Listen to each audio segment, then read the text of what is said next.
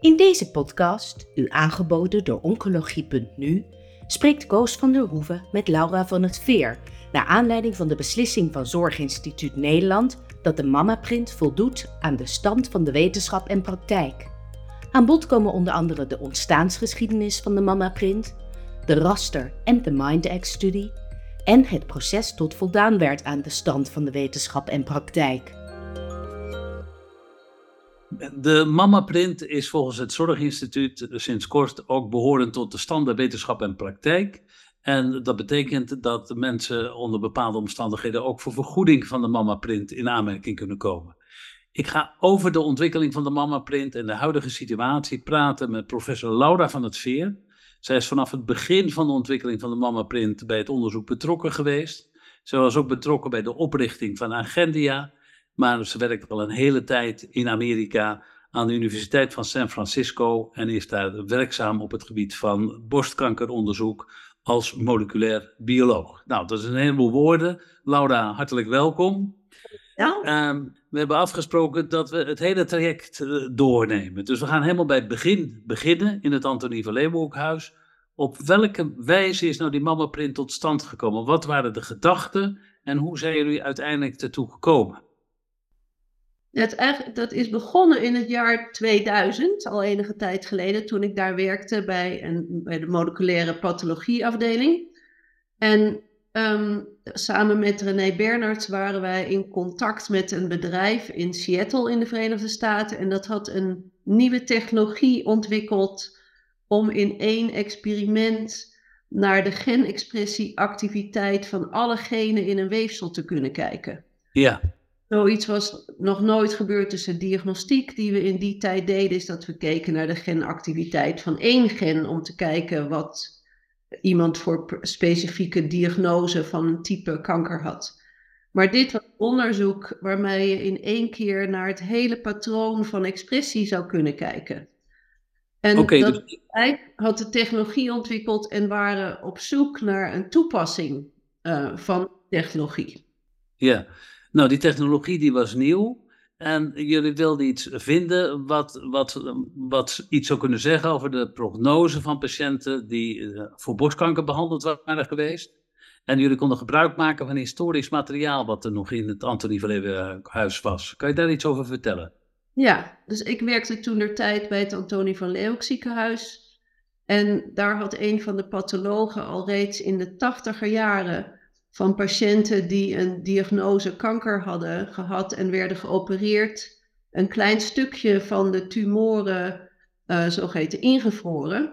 En, dat, ehm, en dat was allemaal bewaard. En dat was een, in, toen we hier aan begonnen, zoals ik net zei, het jaar 2000, uh, hadden die patiënten al redelijk tijd follow-up van na hun, uh, of hun ziektebeloop was bekend, na hun diagnose en operatie borstkanker. Ja. Dus de, de, met een aantal mensen hadden we besproken toen een hele groep. Mark van der Vijver was ook onderdeel daarvan, René Berderts, die ik al noemde.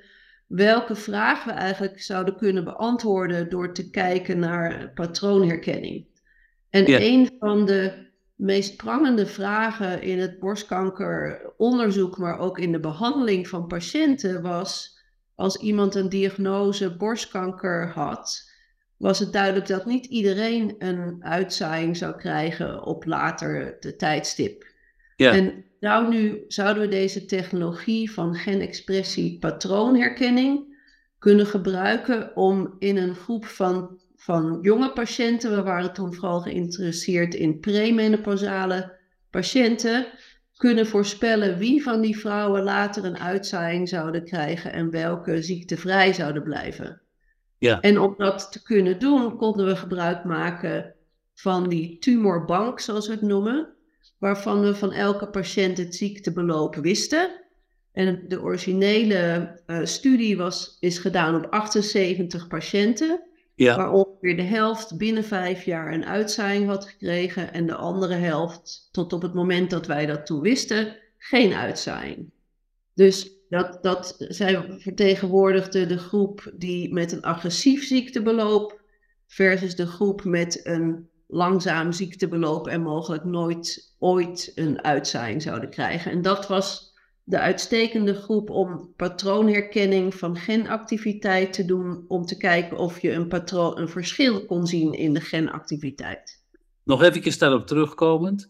Daar zaten dus, dat waren patiënten die geen adjuvante chemotherapie hadden gehad. Dat waren patiënten die na de operatie geen behandeling hadden gehad. Dus het natuurlijke beloop hadden gehad. Ja, ja.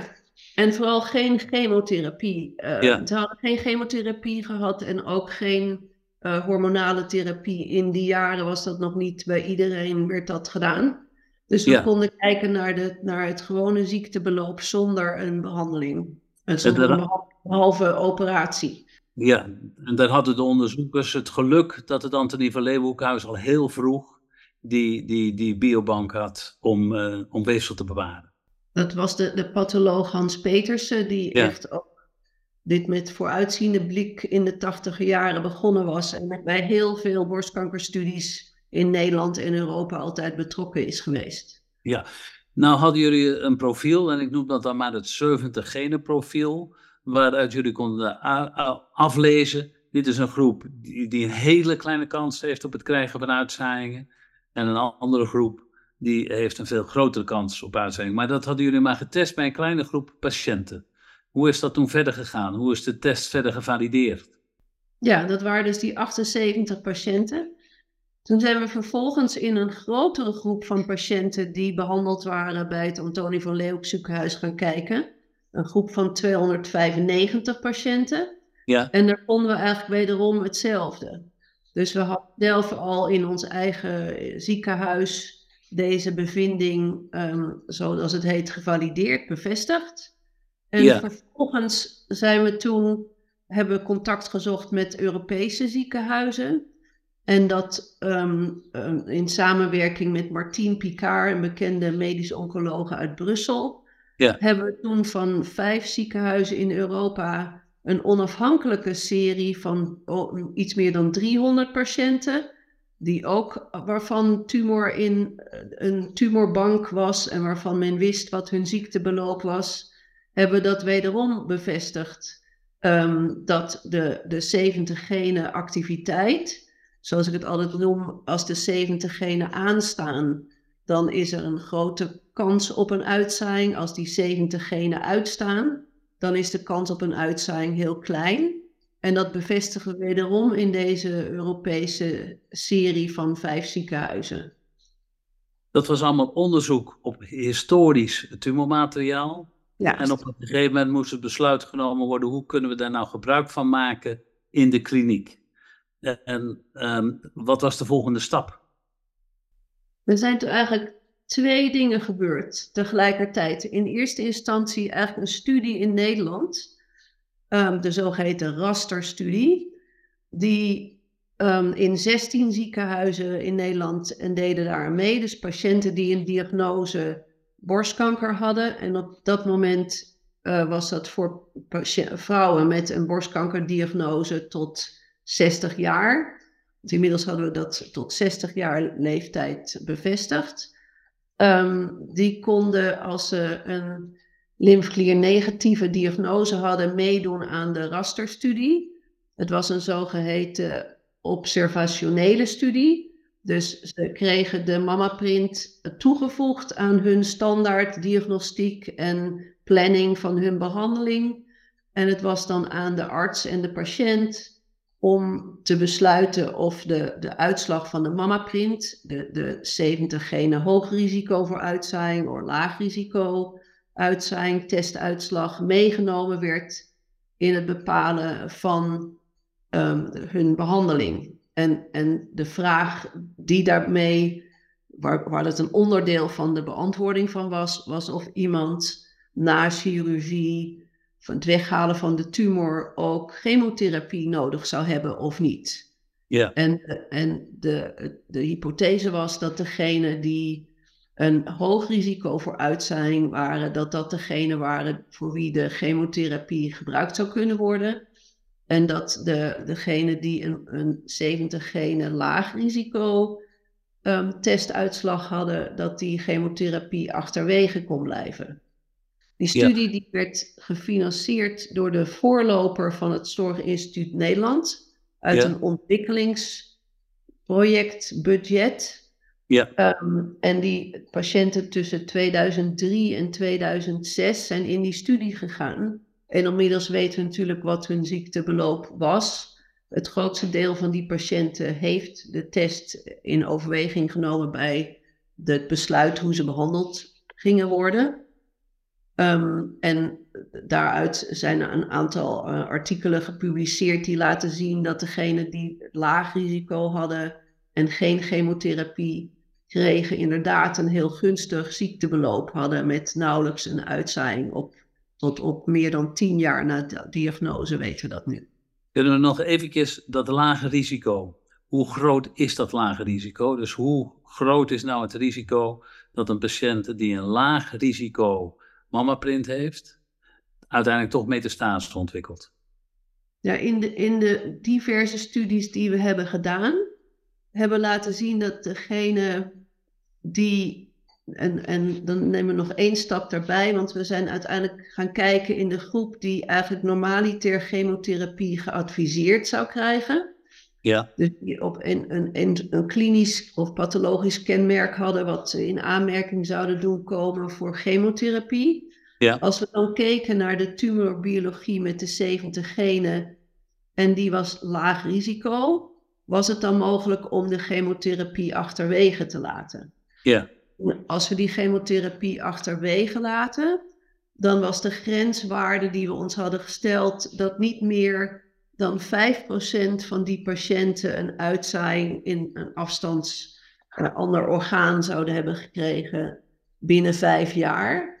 Ja. Uh, en die, dat, die grenswaarde die hebben we steeds gehaald in al die studies. Ja. Want de rationale was dat als je risico 5% is of minder, dan is het toevoegen van chemotherapie geeft in 1 à 1,5 procent of, of patiënt eigenlijk een bijdrage. En dat weegt niet op tegen alle um, negatieve nadelige gevolgen die je ook kan krijgen. Ja. En dat is natuurlijk iets wat iedereen zelf moet besluiten. Ja. Dus het is helemaal geen verplichting natuurlijk om dat dan niet te doen. Maar de, het is bedoeld om de patiënt een betere keuzemogelijkheid te geven of het werkelijk nodig is of niet. Jullie hadden heel veel onderzoek gedaan en eh, iedere keer kwam dit eruit. Maar toch kwam, nadat dit bekend was, de discussie: is het nou alleen een prognostische test?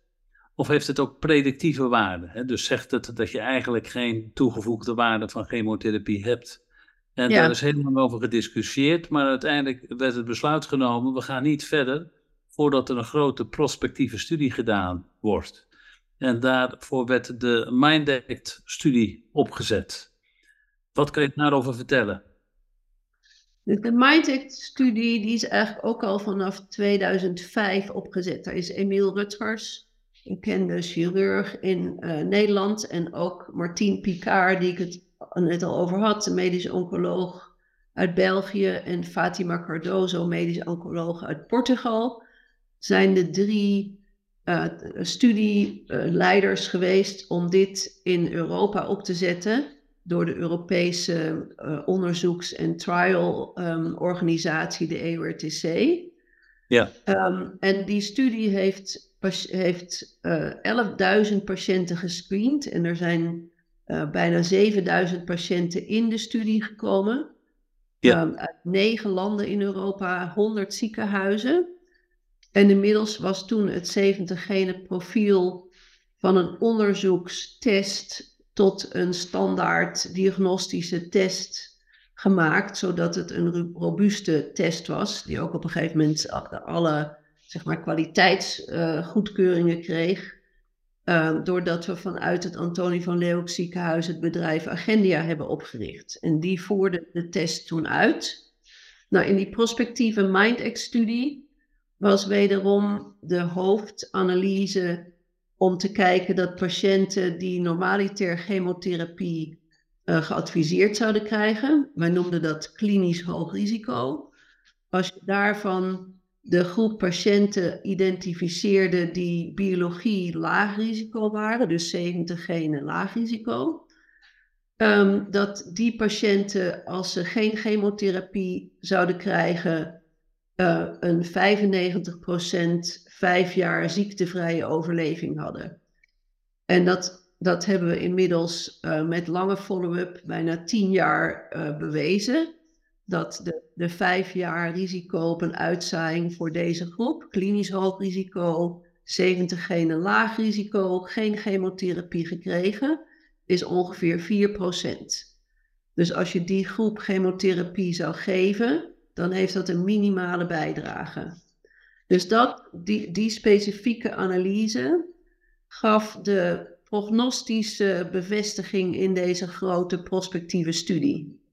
Dat je in die gevallen de chemotherapie weg kan laten zonder... Weg kan laten, ja. Nu was natuurlijk de vraag die iedereen dan meteen stelde, ja, maar als we die groep nou wel chemotherapie hadden gegeven, wat was er dan gebeurd? Dus we hadden een groep in die studie van bijna 7000 patiënten, waar er 1550 patiënten um, die klinisch hoog risico waren, mama print, of inmiddels heette dat zo, 70 genen laag risico. Als je de ene helft geen chemotherapie gaf, dat is het resultaat wat ik net besprak, maar de andere helft randomiseerde om wel chemotherapie te krijgen. Wat was dan het verschil in hun ziektebeloop? En het bleek dat het verschil in hun ziektebeloop op vijf jaar na diagnose minder dan een procent was. Ja. En na tien jaar een paar procent. Dus ook dat bevestigde voor de hele groep. Inmiddels kijken we nu naar een patiëntenpopulatie uh, van uh, tot 70 jaar bij diagnose, dat eigenlijk de chemotherapie in die groep um, geen, bij, geen grote bijdrage levert. Er zijn nog, nog wel wat nuances op te geven, maar daar kunnen we zo op ingaan. Nog even naar welke patiënten het waren. Je hebt als bovengrens de 70 jaar genoemd. En was er ook een ondergrens qua leeftijd? Nee, er was geen ondergrens. En de patiënt, het was wel zo dat de tumordiameter moest niet meer zijn dan 5 centimeter. En patiënten met lymfkliermetastase bij diagnose met 1, 2 of 3 positieve klieren zijn ook in de studie geïncludeerd. En zowel voor de lymfklier negatieve als die met 1 tot 3 positieve klieren waren de resultaten hetzelfde. En uh, dus receptor positieve patiënten en receptor negatieve patiënten. En eigenlijk voor al die subgroepen kom je tot dezelfde conclusie. Ja. Ja. Wanneer is de laatste update geweest van de MindX-studie? Um, die hebben we twee jaar geleden gepubliceerd. Toen was er bijna negen jaar follow-up. Ja. Uh, mediane follow-up. En toen had meer dan 90% van de patiënten vijf jaar follow-up uh, data. Dus de, de, de meest recente resultaten zijn voor echt op het vijf jaar tijdspunt zeer robuust. En voor, ook voor het negenjaars tijdspunt, en dat kan je in sommige analyses extrapoleren naar tien jaar, ook um, robuust met deze mediane overleving. En misschien nog te zeggen, want dit is natuurlijk de specifieke groep klinisch hoog risico uh, mama print of 70 genen laag risico, waar, waar de studie om te doen was. Maar een belangrijk gegeven, wat ook door deze studie wederom werd bevestigd, is dat als je deze 7000 patiënten neemt met zeg maar min of meer een soort standaard diagnose borstkanker, dat twee derde van die patiënten uh, klinisch laag risico is en het overgrote deel ook 70 genen laag risico. En in de studie kreeg, geen van die patiënten chemotherapie. Ja. Dus dat is in Nederland misschien, leverde dat ook een bijdrage. Maar vooral internationaal in andere landen zoals de Verenigde Staten, waar men op dat moment gewend was om aan ongeveer 80% van alle patiënten chemotherapie te geven, had dat resultaat ook een enorme impact omdat het dus eigenlijk bleek dat als je klinisch laag risico was en genexpressie profiel 70 genen laag risico, dat die, die 70% geen, ook geen chemotherapie nodig had. Was ook internationaal en ook wel in Nederland, maar vooral internationaal een van de belangrijke resultaten. En dan nog de groep die we niet besproken hadden, waren er ook patiënten die een klinisch laag risico hadden en op basis van een 70 genen profiel een hoog risico? Die zijn er ook. Die groep is niet zo heel erg groot. Ehm, we hebben een, die groep net wat nauwkeuriger nog weer bekeken per diameter. Dus die groep die klinisch laag risico is en 70 genen hoog, hoog risico. Tot als je tumoren neemt kleiner dan 1 centimeter, want daar zitten er ook heel wat van in. Dan heeft eigenlijk, alhoewel de tumorbiologie dan zegt hoog risico, heeft chemotherapie ook geen bijdrage. Maar als de tumordiameter groter wordt, dan zie je wel een trend tot een bijdrage.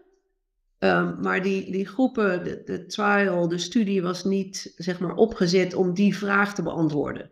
Dus het, het, is hoogstwaarschijnlijk wel dat die mensen, zeker als je een tumordiameter hebt meer dan 2 centimeter, baat hebben bij chemo, maar dat hebben we niet officieel kunnen bewijzen. Toen die resultaten van de Mindex-studie eerst na vijf jaar en later ook voor de langere follow bekend werden, was het voor de meeste landen aanleiding om over te gaan tot vergoeding van deze test. In Nederland was dat niet zo. Kan jij uh, de, de, de redenen opnoemen waarom dat niet zo was? Um, ja, dus we waren natuurlijk heel blij dat het kwam eigenlijk overal in de richtlijnen, ook in Nederland. Um, maar de vergoeding bleef in Nederland, eigenlijk daar bleven we steken op de, de evaluatie van het Zorginstituut Nederland. En dat, dat daar, de reden was dat onze primaire doel was om aan te tonen dat vrouwen die anders uh, door klinisch hoog risico chemotherapie zouden krijgen, dat degene die 70 genen laag risico waren, dat achterwege konden laten. Ja. En dat heet in, in de, de trial analyses een single arm analyse. Ja. die hadden we, die hypothese hebben we positief beantwoord. Ja. Het Zorginstituut Nederland hanteert de en nog steeds eigenlijk dat ze alleen de gerandomiseerde um, analyse als uh, een basis voor hun vergoedingsvraag of uh, wilden nemen. En die groep was natuurlijk veel kleiner.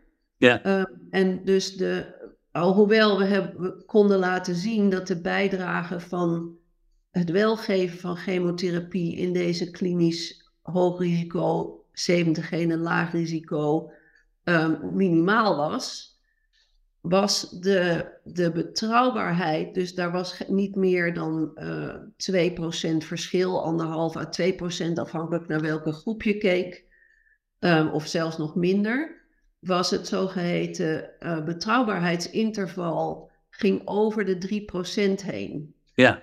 En, de, en die, de, de manier waarop het Zorginstituut uh, studies beoordeeld, bijvoorbeeld om een nieuw medicijn toe te laten, waarbij je zeg maar, het geven van standaardbehandeling vergelijkt met de standaard plus een nieuw medicijn, is dat het een bepaalde meerwaarde moet hebben, waarbij die betrouwbaarheidsintervallen niet meer dan, of, of moeten heel klein zijn. Ja. En omdat de MindX-studie niet opgezet was om deze vraag te beantwoorden, haalden wij, kwamen we tot net iets boven de 3% betrouwbaarheidsinterval breedte, terwijl het eronder moest zijn. Ja. Dus dat hebben we heel lang beargumenteerd. En, en niet alleen ik vanuit mijn kennis van de 70 genen, maar ook um, alle um, vertegenwoordigingen van de, de, de Nederlandse Vereniging voor uh, oncologie, degene die zich met borstkanker bezighouden, de ziekenhuizen, de zorgverzekeraars, de patiëntenverenigingen, vonden allemaal dat er gekeken moest worden naar die oorspronkelijke hypothese die we hadden bewezen, dat er zo'n lage, uh, dat de, de, de klinisch hoogrisico 70 genen laag zonder chemo laag genoeg was om te besluiten dat chemo achterwege. Dat wilden de, de statistici die voor het Zorginstituut werken niet doen, omdat ze op die andere manier naar de gegevens keken. Dus het was duidelijk dat we dat bij die, toen er vijf jaar mediane follow-up was, dat, we, dat konden we gewoon niet halen. En dat heeft het toen tegengehouden. Terwijl in andere, alle landen in de wereld, behalve nog Engeland om een andere reden, in alle landen in de wereld werd het op grond van de gepubliceerde data wel vergoed. Ja, nu even de vraag, want de, de, het gaat nu wel vergoed worden, of althans de, de groep patiënten gaan het zo nog even over hebben. Maar zijn er nieuwe gegevens gekomen? Of is het zo dat, dat, dat het wegens overtuigingskracht nu uh, goedgekeurd is? Of is nee, het er zijn, nee, er zijn nieuwe gegevens gekomen, omdat we de, van vijf jaar mediane follow-up naar negen jaar mediane follow-up zijn gegaan. Ja. En al die minimale verschillen zijn de betrouwbaarheidsintervallen kleiner geworden. En nu zijn ze dus wel binnen de grenzen van het Zorginstituut terechtgekomen. Door de, dus door een langere follow-up zijn die grenzen kleiner geworden. Dan zit je nu wel onder die 3% en geeft dat de doorslag gegeven. Ja. ja. Dat komt. Voor welke groep uh, gaat het nu vergoed worden? Dus heeft het Zorginstituut daar een uitspraak over gedaan? Ja, dus de, de, de groep patiënten voor wie dit voor goed gaat worden, is voor, dat kan je noemen, postmenopausale uh, patiënten. Daar wordt een leeftijdsgrens voor genomen van 50 jaar en ouder. Oké. Ehm, en de reden is omdat er is altijd in onderzoek voortschrijdend inzicht. Ja. Dat, en we hadden het erover dat de patiënten die in de MindX-studie zitten alle leeftijden tot 70 jaar waren. Op een gegeven moment zijn we een analyse gaan doen om de premenopausale onder de 50 jaar patiënten apart te bekijken van de boven de 50. Ja. En toen bleek dat je nou, de bijdrage van chemotherapie voor de groep waarover we het hebben boven de 50 echt ongeveer 0% is. Maar onder de 50 jaar was als je wel chemotherapie geeft aan die groep klinisch hoog risico 70 genen laag, is er een paar procent verbetering te zien voor die groep. Dat, die verbetering is volgens een statistische analyse die je doet niet significant, maar wij vonden het eigenlijk wel klinisch relevant. Ja. Dus er, er is, de vraag is of de verbeterde ziektebeloop voor deze patiëntengroep onder de 50 feitelijk komt door de chemotherapie en het zogeheten cytotoxische effect van chemotherapie. Of dat chemotherapie heeft behalve een cytotoxisch effect ook een effect op het endocrine systeem. Dat de vrouwen menopasaal worden door de chemotherapie. Ja. En, en nou goed, die vraag staat nog open. En er zijn op grond van de MindAct trial en een vergelijkbare trial in de Verenigde Staten met een andere test, die hetzelfde vond, zijn er nu grote studies bezig om in de, de premenopausale groep patiënten waar dit over gaat, om te kijken als je die behandelt met meer agressieve endocrine therapie. Dus dan gaat het in dit geval om ook zeker voor al deze vrouwen of, um, ovariumsuppressie toe te voegen als medicatie, of dat feitelijk genoeg is. Ja. En de groep patiënten in de MindX-studie onder de 50 had eigenlijk nauwelijks iemand ovarium, suppressie gehad toen der tijd. Ja. Dus de, de, de rationale dat je kan zeggen, misschien waren ze eigenlijk niet goed genoeg behandeld uh, op het endocrine vlak, is zeker één die legitiem is om verder uit te zoeken. En dat gebeurt dus nu. Maar daarom wordt er getest nu alleen vergoed voor vrouwen van 50 jaar en ouder. Oké, maar ik denk toch dat het na zoveel inspanning, dat het dat uh, voor iemand die vanaf het begin daaraan gewerkt heeft, toch een uh, hele opluchting uh, en een felicitatie waard is. Ik heb nog een paar vragen. We hebben, we hebben ook andere genexpressieprofielen en de, de bekendste daarvan is de oncotype DX. Kan je aangeven wat het verschil is tussen de oncotype DX en de mama-prik?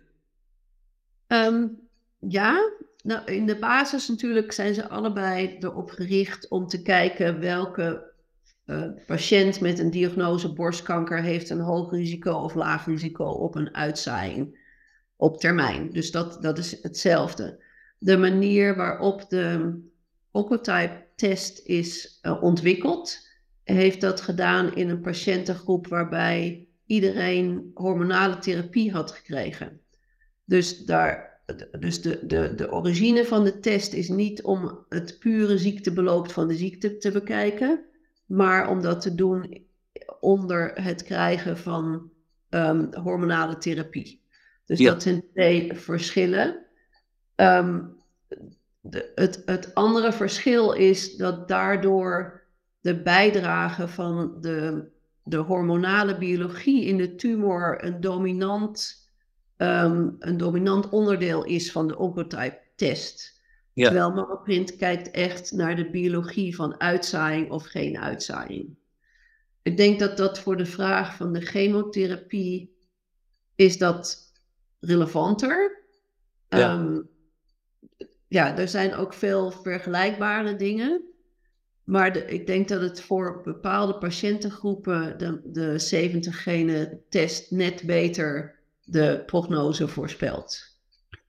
Ik ga nog even terug naar 2000. Toen kwamen jullie met die 70 genen. Veel mensen vragen zich wel eens af, hoe ben je er nou op gekomen om juist 70 genen, want er zijn zoveel genen, om juist die te gaan kijken of die aan of uitstaan. Um, er is een heleboel gebeurd met artificial intelligence. Als je dat nu opnieuw zou moeten doen, denk je dat het, dat, dat het aan een andere test komt dan voor die 70 genen? Um, ik denk het eigenlijk niet. Kijk, eigenlijk wat we hebben gedaan, die patroonherkenning van die ene groep patiënten die binnen vijf jaar een uitzaaiing had en die andere groep die dat nooit kreeg. Dat de wij keken naar 22.000 genen die tot, die tot expressie kunnen komen. En keken naar patroonherkenning van de ene groep versus de ander. Dat deden we met twee astrofysici, dus degene die naar sterrenstelsels kijken. Ja. En die daarin, dus ik stel me dat altijd voor dat je de melkweg neemt. Ja. En dat je twee melkwegen hebt en dat je wil weten wat is, het, wat is het sterrenpatroon in de ene versus de ander. Dat deden wij met wat we toen noemden uh, bioinformatica-analyse. Dat is in feite artificial intelligence. Ja, ja, ja. In principe hebben we dat eigenlijk al gedaan, alleen noemden we dat toen anders. Oké, nou dat is, dat is helder. Laura, ik denk dat we een heleboel doorgenomen hebben. De geschiedenis van de ontwikkeling van de mama-print. En dan nu als uitslag dat het Zorginstituut gezegd heeft dat het voor de patiënten boven de 50 jaar ook tot de mogelijkheden behoort om deze test uh, in een vergoede situatie te krijgen. Wil je nog een laatste woord? Nou ja, om zeker te zeggen, bedoel, ik heb hier inderdaad al deze 23 jaar aan gewerkt, maar dat natuurlijk met heel veel andere mensen. Te beginnen bij het Antonie van Leeuwenhoek ziekenhuis met een enorm enthousiasme van de directie tot aan de, de analisten bij de pathologie, ehm, het, het bedrijf wat we hebben opgericht, de artsen in Nederland in alle verschillende ziekenhuizen.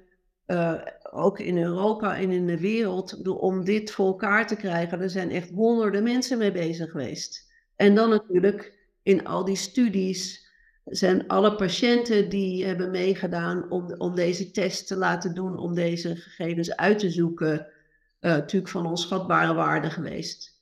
Dus, dus ik denk, het heeft een hele het, heeft een hele deze test, omdat het eigenlijk een van de eerste was waarbij zoiets voor de dagelijkse praktijk uh, werd voorgesteld om te gaan gebruiken, heeft een hele revolutie teweeggebracht in de moleculaire diagnostiek voor alle uh, vormen van kanker. Wat nu gewoon is, was toen twintig jaar geleden gewoon werd nog nergens gedaan.